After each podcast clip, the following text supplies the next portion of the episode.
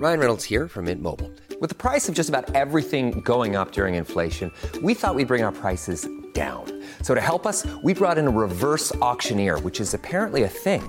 Mint Mobile unlimited premium wireless. Ready to get 30, 30, bit to get 30, bit to get 20, 20, 20, bit to get 20, 20, bit to get 15, 15, 15, 15 just 15 bucks a month. So, Give it a try at mintmobile.com slash switch. $45 upfront for three months plus taxes and fees. Promo rate for new customers for limited time. Unlimited more than 40 gigabytes per month. Slows. Full terms at mintmobile.com.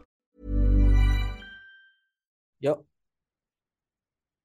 Halo pendengar GGMI Podcast, baik lagi bersama kita berdua dan di tengah-tengah adanya pertandingan MU, rumor tidak pernah berhenti dan itulah yang akan kita bahas pada pertemuan kali ini di mana ada satu nama nih eh, pemain yang bisa dibilang banyak orang merasa apakah MU harus sekali lagi berinvestasi untuk pemain sekelas eh, kawasan Asia ya Hmm. karena yang kita akan bahas adalah Kim Min Jae, back yang sedang naik daun ya di Napoli dan katanya rilis, clause-nya tuh cuma 40 juta pounds gitu. Hmm. gue menanya ke lo nih Vin, kira-kira dengan rumor Kim Min Jae yang akan eh, ke MU ya dikait-kaitin ini cuma sekedar angin belaka atau memang ada intensi untuk MU menseriusi hal ini Vin? Nah, kalau masalah ini cuma angin atau serius kan gak ada yang tahu ya, gitu. Hmm. Tahu kan cuma Ten Hag dan tim rekrutmennya dan Fabrizio mungkin ya, gitu. Jadinya eh, kita juga cuma bisa menerka-nerka gitu, apakah pemain ini cocok atau enggak dari sisi profil, permainan dan juga mungkin karakter juga gitu. Cuma kalau misalnya ditanya menurut gua gimana Kim Min Jae, gue juga baru sadar gitu kayak Kim Min Jae ini meskipun badannya gede ya, 190 eh, sentimeter tingginya gitu ternyata dia tuh punya speed man. Jadi ini tuh kayak Maguire versi kenceng, bukan versi lambat gitu. Jadi kelihatannya kan mirip ya, badannya gede, palanya kotak juga, tinggi, gede gitu kan. Cuma ternyata dia tuh ada speednya gitu dan reactionnya tuh jauh lebih eh, apa ya, lebih lincah lah kasarnya gitu ya, reactionnya lebih cepat gitu. Jadi kalau misalnya rumor Harry Maguire ini hengkang ya di akhir musim itu benar-benar terjadi dan gantinya adalah Kim Min Jae, yang menurut gue ini adalah upgrade gitu. Karena dari sisi usia juga Maguire gue lupa ya, mungkin dia 29 ya mau 9. 30, ya kan. Dan Kim Min Jae ini ya udah di usia matang sih di 26 gitu. Dia bukan pemain muda lagi. Dia di usia 26 lagi matang-matangnya. Jadi menurut gua ya ini cocok-cocok aja sih menurut gue ya. Karena dia juga bukanlah pemain yang emang langsung diimpor ya dari Korea Selatan gitu kan. Tapi memang dia udah melalang buana bahkan ke Turki, ke Italia gitu. Jadi pengalaman dia di luar negeri itu udah lumayan sih menurut gue. Mhm, Oke, jadi dengan adanya rumor hengkangnya Harry Maguire dan mungkin ketidakstabilannya Rafael Varane ya dikarenakan mungkin dia injury prone, eh, keberadaan Kim Min ini jadi suatu hal yang mungkin menjadi sangat make sense gitu. Terutama tadi lo bilang kan kalau Kim Min sendiri kan udah cukup lama ya main di Italia, main di eh, Turki. Bahkan dia kan terakhir kan sebelum pindah ke Napoli kan dia main di Fenerbahce ya. Iya. Dengan menurut gua angka yang didatangkan pun juga nggak begitu mahal 15 juta pounds gitu kan. Dan gue jujur ya musim ini tuh salut sama scoutingnya Napoli di mana dia bisa akhirnya ngebeli pemain-pemain yang kita bahkan ketika awal tuh nggak tahu gitu kan. Tapi ketika udah disatuin jadi tim di bawah naungannya Luciano Spalletti gitu kan. Tiba-tiba jadi something yang wah aja gitu dan Kim Min Jae salah satu di antara beberapa nama yang mungkin sedang uh, naik daun ya di Napoli gitu kan. Tapi kalau kita balik lagi ke sosok Kim Min Jae di mana uh, dia kan tadi lu bilang dia adalah upgrade dari Harry Maguire gitu. Tapi ada satu hal yang di mana ini gue tangkap dari salah satu uh, mungkin bisa dibilang apa ya wawancaranya Kim Min Jae ya ketika um, uh, Kolombia seri lawan uh, Jepang saat itu juga Kim Min Jae pernah bilang di pasca dari event dia bilang uh, setelah uh, diketahui gitu. Kalau rumor-rumor yang akhirnya mengkaitkan dia ke luar tim tuh nggak benar gitu. Atau mungkin uh, rumor palsu lah gitu karena lu ngelihat ini adalah salah satu bentuk self defense ya Kim Min Jae yang pengen calming the situation atau hal-hal apa yang ingin disampaikan karena kan gue yakin Napoli akan juara Liga Italia ya supposed to be gitu kan. Dan dia masih main di Liga Champion gitu. Di mana untuk musim depan mungkin Chelsea akan lebih tinggi karena dapat investasi segala macam nah buat Kim Min Jae sendiri selain daripada ke MU apakah dia emang sudah layakkah untuk naik satu level mungkin main di MU, toh mungkin Liverpool dan beberapa nama yang akhirnya disangkut pautin Vin. Iya, kalau misalnya tadi masalah respon dia ke media ya, ya itu semua pemain juga melakukan itu gitu, ya kan? Hmm. Di depan media kita harus uh, sweet talk, harus mungkin melakukan hal apa ya, PR lah ya kasarnya gitu. Jadinya ya kita nggak akan pernah tahu kalau cuma dari statement di media gitu. Cuma yang kita tahu ya uh, lebih kepada ya prospeknya aja gitu, yang bisa kita omongin gitu. Jadi kalau misalnya ditanya juga apakah dia sudah cocok untuk naik level, menurut gue cocok, tapi memang sejujurnya ya gue baru lihat ternyata dia tuh di Fenerbahce juga baru setahun dari tahun 2001 ya kalau nggak salah ke 2022 uh, gue lagi lihat pokoknya di ya 2021 gitu pindah. Kemudian ke Napoli juga pindah 2022 jadi memang praktis baru setahun gitu loh di Napolinya. Dan kayak apa ya mungkin bisa aja kan. Ini juga juga cuma kayak one season wonder.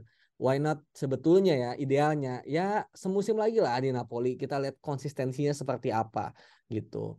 Nah nanti kalau misalnya udah oke okay, at least dua musim berarti udah terbukti untuk bisa naik level gitu. Cuma kalau misalnya mau sekarang pun gue nggak masalah gitu. I mean kontraknya pun habis di 2025 means 2023 ini kan harus keluar anyway gitu. Jadi menurut gue daripada kita juga nantinya kesulitan mencari pengganti kayak kasar tuh oke okay, kita mungkin idealnya kita ngambil Kim nanti gitu kan tapi melihat kita juga ada Maguire yang mau cabut kemudian Lindelof juga kabar yang mau cabut juga ini kebutuhannya jadi lebih urgent lagi gitu loh untuk ngambil Kim Min yang apa ya um, mungkin masih agak gambling gitu. Jadi kalau harganya cuma 40 juta, ya kita ingat aja Harry Maguire 80 juta gitu loh. Jadinya kayak ya lu kalau 40 juta mah nggak gambling-gambling amat gitu loh. Ya lu tinggal bayar aja meskipun mungkin kalau release loss itu skemanya cash ya langsung ya gitu kan. Kalau misalnya pembayaran lainnya kan kalau yang umum kan lebih kepada installment kan. Kalau ini cash itu mungkin yang berat sih. Hmm, hmm. Oke, jadi kasarnya dia kan cuma semusim semusim ya. Yang mana mungkin kalau kita ibaratin kayak anak milenial nih nih ya job hopping ya iya baru satu tahun kerja pindah gitu kan sampai pindah kerja iya, iya. dan tapi bedanya kalau di sepak bola kan mungkin kita bisa bilang usianya kan pendek ya Vin ya dalam arti kayak oh. lo udah usia 26 mungkin peak-peaknya mungkin 4-5 tahun lagi gitu kan once itu udah selesai ya mungkin lo harus harus bikin hal yang jauh lebih advance gitu. Dan menurut gue sih momentum jadi suatu hal ya. Karena kan sekarang juga um, dia juga di Liga Italia juga dia bermain 26 dari 27 pertandingan gitu. Ya mana menurut gue nih gila banget. Berarti kan hampir 98% setiap game dia main. Dan terakhir kali dia main kan pas harus Napoli ini ya menelan kekalahan ya. 4-0 kan. Yeah, yeah. lawan uh, AC Milan dan ada beberapa kali yang gue ngeliat sih cuplikannya memang ada kesalahan-kesalahan fundamental yang dia lakukan tapi mungkin ya karena santai dulu nggak sih gitu.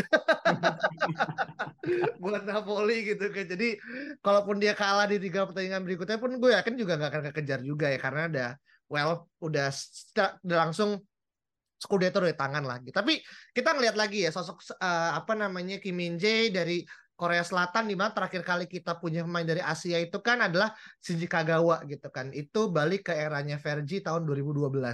Sekarang tahun 2023 berarti hampir 11 tahun berlalu dan kita ingin melakukan reinvestment lagi gitu. Nah, menurut lu selain daripada sosoknya Kim Min Jae yang mungkin dianggap cocok ya untuk bisa menggantikan posisi kapten kita, tapi apakah ada sisi komersial yang ingin dilakukan nggak, Vin? Karena kan MU dan pasar Asia tuh kan dua hal yang ibaratkan magnetik ya, selain dari Amerika ya, yang akhirnya bisa menjadi daya tarik tersendiri gitu kan. Apakah ini lu ngelihat juga ada gimmick-gimmick marketing yang pengen dilakukan sama MU atau pure ini karena merit gitu. Dan berarti lu mau negara yang mana terserah, tapi gue butuh lu aset secara uh, player gitu, Vin. Ya, ya lebih kepada ya menurut gue ya, ya marketing itu penting gitu. Tapi memang itu untuk kalau masalah pemain ya itu menurut gue harus di apa ya nomor dua kan lah kasarnya gitu. Jadi memang lebih kepada kualitas dulu dan kecocokan lebih ke taktikal dan karakter dulu gitu. Kalau misalnya itu udah oke, okay, kemudian ternyata ada bonus sisi marketingnya ya itu bagus gitu loh. Jadi hmm. jangan sampai kita ngambil pemain cuma karena marketing wise only, tapi secara taktikal atau misalnya dari karakter itu udah nggak masuk gitu. Kayak let's say ya kita ambil Ronaldo gitu ya dari sisi marketing bagus kan gitu tapi ternyata nggak cocok ya mau gimana gitu ternyata mudorotnya lebih banyak daripada hal positifnya gitu Messi yeah. juga bisa dibilang kayak gitu kan Adidas sama kita kan Adidas kemudian Messi juga Adidas ya itu udah match match in heaven juga kan gitu. Jadinya kayak iya bisa aja dong kita ambil Messi tapi kan nggak cocok gitu. Jadi kayak ya menurut gua lebih kepada karakter dan um, taktikal dulu aja gitu. Kalau memang cocok dan ternyata ada sisi marketing sebagai edisional sebagai uh, bonus ya why not gitu. Kita coba expand ke sana gitu ke apa ke Asia kita dulu pernah punya Park Jisung kemudian ada Kagawa sekarang kita punya Kim Min Jae gitu kayak ya kita teruskan legasi uh, apa cahaya Asia ini kan gitu. Gitu. Jadi ya ya ya nggak apa-apa gitu. Kalau memang secara taktikal oke okay, dan memang bonusnya itu kayak gitu ya nggak apa-apa gitu. Toh uh, Son Heung-min juga apa ya sangat dielulukan kan di Tottenham gitu di Korea Selatan juga Tottenham juga ya gue nggak tahu sih apakah jadi lebih terkenal apa enggak gitu kan di Korea? Fansnya makin banyak atau enggak? Gue nggak tahu tapi MU udah nggak sebutuh itu juga karena memang udah besar anyway gitu sih. Cuma uh, kalau dari marketing menurut gue kayak gitu sih. Oke oke. Jadi emang sebenarnya yang harus didahulukan adalah kualitas ya regardless. Mungkin uh, dari nationality ya Vini yang mana itu bonus lah ya kita anggap player kedua. Karena MU kalau dibandingin secara apa ya mungkin exposure nih ya kita mungkin di kawasan Asia dan juga Amerika ya itu juga udah sangat apa ya top tier lah ya jadi Betul. ada atau nggak ada mah harusnya tetap ngejual secara ya. ini ibaratnya kan. ibaratnya kalau lo mau exposure lo ambil aja hoki caraka kan ya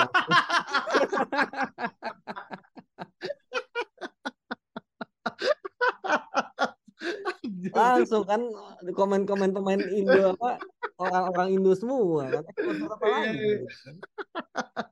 atau atau Ronaldo Kuate kan iya sama-sama Ronaldo kan kasih aja nomor tujuh. Iya. Soal itu gue yakin kayak gitu. Iya iya iya iya iya. Tapi gini oke kita balik lagi ya kepada Kim Min Jae. Jadi gue tuh juga ngelihat ya Kim Min Jae itu kan datang pada saat di mana uh, Napoli itu kehilangan satu sosok ya yang juga sangat sentral di belakang adalah Kalido Koulibaly gitu kan. Di mana dia harus cabut ke Chelsea gitu. Dan somehow dengan angka yang cukup tinggi ya dijual 89 juta uh, Napoli kemudian reinvest di angka 15 juta itu bisa dibilang cuma 15% dia total angka yang dikeluarin gitu kan untuk akhirnya buyback gitu kan. Dan hasilnya sangat luar biasa gitu. Jadi uh, kalaupun misalkan nanti dia harus menggantikan sosok Maguire sebenarnya mentality wise dia udah pernah ngelakuin di hmm. Napoli gitu kan. Untuk nama yang nggak kalah ciamik ya gue nggak bilang akhirnya Maguire dan juga um, Kolibali itu sama ataupun setara tapi paling nggak kita ngeliat sosoknya dan Kolibali kalau nggak salah juga dulu kan kapten ya di hmm. hmm. di ya. Napoli kan dan perannya sama nih gitu jadi dia menggantikan back tengah orang yang udah punya power, udah punya adik kuasa gitu kan apalagi dia sebagai bang kapten cabut dan sosok ini akhirnya bisa menggantikan yang bersangkutan gitu. Jadi menurut gue ini adalah suatu hal yang bisa direplikasi ya. Nah, ya bedanya hanya di tingkatnya sekali lagi gitu kan. Dan ketika dia masuk, gue cukup yakin dia akan jadi uh, apa namanya first team player ya gitu kan. Uh, karena gue nggak ngeliat dia sebagai pemain cadangan unless sama kita ngebeli back lainnya gitu kan yang hmm. udah juga nggak yakin apakah akan ada nama selain mungkin Julian Timber gitu ya pernah kita bahas juga tapi lu ngelihat nanti misalkan kita membayangkan musim depan berarti back tengahnya bisa jadi Kim Min Jae dan juga Martinez gitu nah lu ngelihat ini perpaduan yang tepat atau ada hal-hal yang akhirnya lu ngerasa dua orang ini perlu untuk akhirnya saling melengkapi nih Vin Ya, kalau menurut gua uh, kalau masalah build up ya, misalnya uh, Kim Min Jae dan juga Martinez, kemudian Varan menjadi backupnya gitu. Menurut gue itu juga udah oke okay ya, karena Varan juga uh, meskipun udah retired dari internasional, tapi tetap aja namanya badai cedera kita nggak pernah tahu ya. Dan ya Varan secara pengalaman juga pasti bisa apa ya menggantikan sewaktu-waktu ketika misalnya si Kim Min Jae juga lagi off form gitu kan, dan kita nggak pernah tahu kalau misalnya Kim Min Jae datang, gue yakin Lindelof pun udah nggak mau lagi jadi pilihan keempat gitu. Dia pasti cabut juga. Means kita juga akan harus membeli back baru lagi dan kemungkinan juga back muda gitu. Jadi memang konsekuensi ada di sana gitu. Kalau kita uh, nanti belinya back muda entah siapa pun itu gitu, mungkin Lindelof masih mau masih mau stay ya karena dia bakal jadi pilihan ketiga setidaknya gitu. Jadinya hmm di sini ketika Kim Min Jae datang menurut gua ya memang betul yang lu bilang dia harus menjadi starter karena ya dia lagi di usia emasnya 26 dan mungkin sampai 30 ya itu benar-benar picknya dia. Dan ya maybe bisa lebih lama lagi karena back tengah itu kan picknya agak panjang ya harusnya ya gitu. Kayak Ramos pun juga di usia 30-an benar-benar merajalela kan di sana. Bahkan yeah. sebelum 30-an dia masih jadi back kanan kan dengan rambut gondrong ya kan gitu. Iya, iya. Kalau kalau PP aja bisa main 38 main main di Piala Dunia gitu kan. Gue juga kadang kasihan ngeliat Pepe kemarin main di Piala Dunia gitu dengan usia udah uzur gitu kan. Tapi apalagi kita tahu ya pemain-pemain Asia Korea itu kan bahkan Pak Jisoo kan disebut dengan Trilung Parks ya. Jadi Iya. kayak tiga napas gitu kan, tiga paru-paru dan gue sih yakin kalau misalkan Kim Min Jae terus apa minum ginseng ya. Mungkin dia juga akan punya hal yang sama apalagi dia kan yang salah satu kekuatan dia kan adalah awareness ya, tactical awareness Wow. dia kan cukup oke ya dan ternyata pas gue baca juga rumor MU tuh nggak cuma MU doang, ada Tottenham, Liverpool juga gitu yang akhirnya eyeing him juga. Jadi ini tuh komoditas ya buat nanti di musim panas yang mana kalau kita ngelihat sebenarnya ini gue baca ya dari uh, talksport.com maksudnya Mourinho di tahun 2019 itu sempat uh, ingin membeli Kim Min Jae dan dia bahkan sempat ngelakuin FaceTime. Oh ini iPhone banget kayak ini. ngelakuin FaceTime secara spesifik, tapi masalahnya adalah Tottenhamnya nggak membantu dia gitu. Hmm. Jadi kayak ada bak gayung bersam bak gayung tidak bersambut lah. Padahal kalau misalkan beneran akhirnya itu jadi, mungkin mungkin udah jadi sosok gitu dan uh, kolaborasi dia dan juga Son Heung Min ya di Tottenham saat ini mungkin jadi satu hal yang uh, adalah bener-bener jadi apa ya hegemoni Asia lah di uh, kancah Eropa gitu. Tapi sayangnya untungnya terjadi gitu. Karena kalau misalkan beneran ini da- datang kemarin nebusnya susah banget kayaknya ya ngomong ke Levi gitu. Jadi untungnya betul. Napoli dulu segala macam. Tapi ngelihat chance di mana kita bersaing dengan beberapa klub ya Liverpool, Tottenham gitu yang mana juga sedang berbenah ya. Uh, selain mungkin kita juga akan dapat pendanaan yang uh, bak diguyur hujan gitu. Tapi seberapa pede untuk akhirnya MU bisa menjual daya tariknya kepada Kim Min Jae untuk dia akhirnya berpindah ke Old Trafford musim depan, Vin? Kalau daya tarik sih gue yakin ya nggak akan kalah sejujurnya ya gitu. Ini lebih kepada sekarang kan bola tuh semua ada di MU gitu. Ada di eh, apa manajemen apakah mau membeli seorang pemain atau enggak. Dan kita juga tahu gitu Ten Hag dalam beberapa waktu terakhir ini lagi agak sedikit mungkin dikritik ya sama banyak fans. Ya mungkin karena gue ngeliatnya cuma di Twitter ya atau mungkin eh, pandit-pandit juga yang mana let's say kayak Wout Weghorst ini lagi dikritik tapi Ten Hag juga ngedefend Weghorst gitu kan kemudian Sabitzer juga pilihan-pilihan pemain dia lagi agak berantakan lah di beberapa hari terakhir ini gitu jadi somehow kita juga nggak tahu ya apakah kita juga akan maju untuk Kim Min Jae atau ini ya cuma rumor aja gitu dan ujungnya nanti dia akan pindah ke Tottenham atau ke Liverpool kita juga nggak tahu gitu jadi memang sebetulnya bola lebih ke kita dan mungkin gue melihat back tengah ini juga bukanlah posisi yang urgent banget gitu loh. Memang urgentnya yang menurut gue adalah ya penyerang, kiper dan gelandang gitu loh. Nah back tengah ini lebih kepada kalau Maguire cabut, nah barulah kita cari gitu, kita cari penggantinya. Dan kalau Lindelof cabut juga, nah kita PR nambah lagi gitu, kita bakal beli back yang mungkin lebih muda dan udah siap gitu nantinya untuk belajar dari back-back kita yang sekarang kayak gitu. Jadi menurut gua gua nggak merasa bahwa kalaupun nanti kita akan mendekati Kim Min Jae ini akan ada di awal-awal bursa transfer.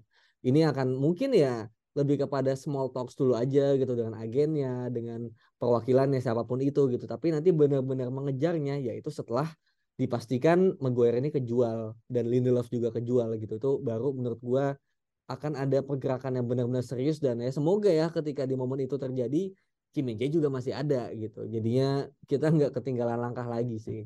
Iya, ini jadi harus menjual dua kargo dulu ya, baru datengin Iya satu. ya.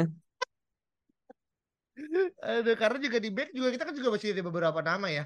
Eh, Axel Tuanzibi, masih ada Arek Bey gitu kan yang mana Eh, dua pemain tuh pasti cabut sih. iya, tapi maksud gue kayak itu kan harus diberesin dulu tuh as in kontraknya ya, habis itu dalam nanti entah Eh free agent deh itu kayak. Siapa?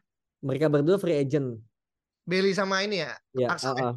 Ah, iya, jadi Axel Tuan JB, Bayi sama si siapa Alex back tengahnya lagi Jones. Itu Jones. Iya, lupa kan lo ada Phil Jones Oh iya. Ya Allah. Iya gitu. Jadi memang tiga pemain itu setahu gue sih udah kontraknya udah habis ya. Jadi kayak kita bisa anggap tahun depan emang pasti nggak ada gitu sih. Mhm, Iya iya Gitu. iya iya iya. Oke oke. Ya ini lebih kepada jangan sampai eh, alih-alih kita nunggu ada visitor untuk eh, Maguire terutama ya gitu kan. Eh, tapi malah Kim Min Jae-nya ketarik duluan dan tadi kan sempat lo ngomong masalah Liverpool ya. Tapi kalau misalkan Liverpool nggak masuk ke Liga Champion, menurut gue nih akan jadi salah satu daya tarik yang cukup sulit ya. Apalagi misalkan Napoli bisa bicara banyak ya di Liga Champions musim ini. Gue nggak bilang sampai juara ya, tapi ada semifinal gitu kan. Atau final, menurut gue pemain mungkin nggak akan nurunin kasta. Selain memang mungkin yang pemainnya emang tertarik banget ya untuk gabung gitu. Atau mungkin kayak punya daya magis kayak kita berhasil menarik Casemiro ya main ke Europa League gitu itu mungkin hmm. bisa cerita tapi uh, untuk Kim Min Jae di usia dia masih 26 pasti dia ketika ada opsi untuk main Liga Champion kita mungkin semoga bisa menawarkan itu sih. Why not ya untuk dia akhirnya pindah. Toh juga exposure dan segala macam. Dan juga mungkin guarantee main di apa namanya uh, first team gitu kan. Itu jadi something yang eh, nggak uh, bisa di uh, apa di uh, nomor dua ini lah. Dan terakhir ya ini mungkin nanti sebelum pertanyaan gue masuk ke lu dari lu sempat bilang ya kalau as a speed dia kan kenceng juga ya. Dan ini juga diafirmasi nih sama pelatihnya Spalletti dia bilang gini uh, dia tuh adalah salah satu back terbaik di dunia gitu kan. Bahkan truly is the best center back. Berarti kan yang terbaik gitu kan. Dan dia bilang ketika dia mulai berlari, dia tuh bisa mencapai ke kotak penalti lawan dalam hitungan 5 detik doang gitu. Meskipun agak sedikit ini ya hiperbola ya kayak 5 detik itu berarti kayak pelari spin kayak Usain Bolt gitu kan. Yeah. Cuman ini berarti kan mengafirmasi kalau dia memang nggak cuma secara fisikalnya mungkin uh, dominating ya uh, bola udara kuat gitu one on one juga bagus tapi secara uh, apa namanya bagaimana transisi ya uh, negatif ke positif positif negatif dia juga akhirnya bisa diandalkan gitu. Dan ini akhirnya mungkin menjadi salah satu kelebihan Kim Min dibandingkan dari uh, center back center back lain yang mungkin menurut gue saling salingin lah. Yin and yang dengan Martinez semoga ya. Yang satu mungkin small small size ya gitu orang bilang gitu kan. Yang hmm. satu giant mereka bisa ya semoga ya bisa saling melengkapi lah kalau emang data segala macam. Nah, terakhir gue nanya ke lu nih, secara uh, dari angka 0 sampai 10, seberapa visible MU bisa mendatangkan tanda tangannya Kim Min Jae untuk main di Old Trafford musim depan?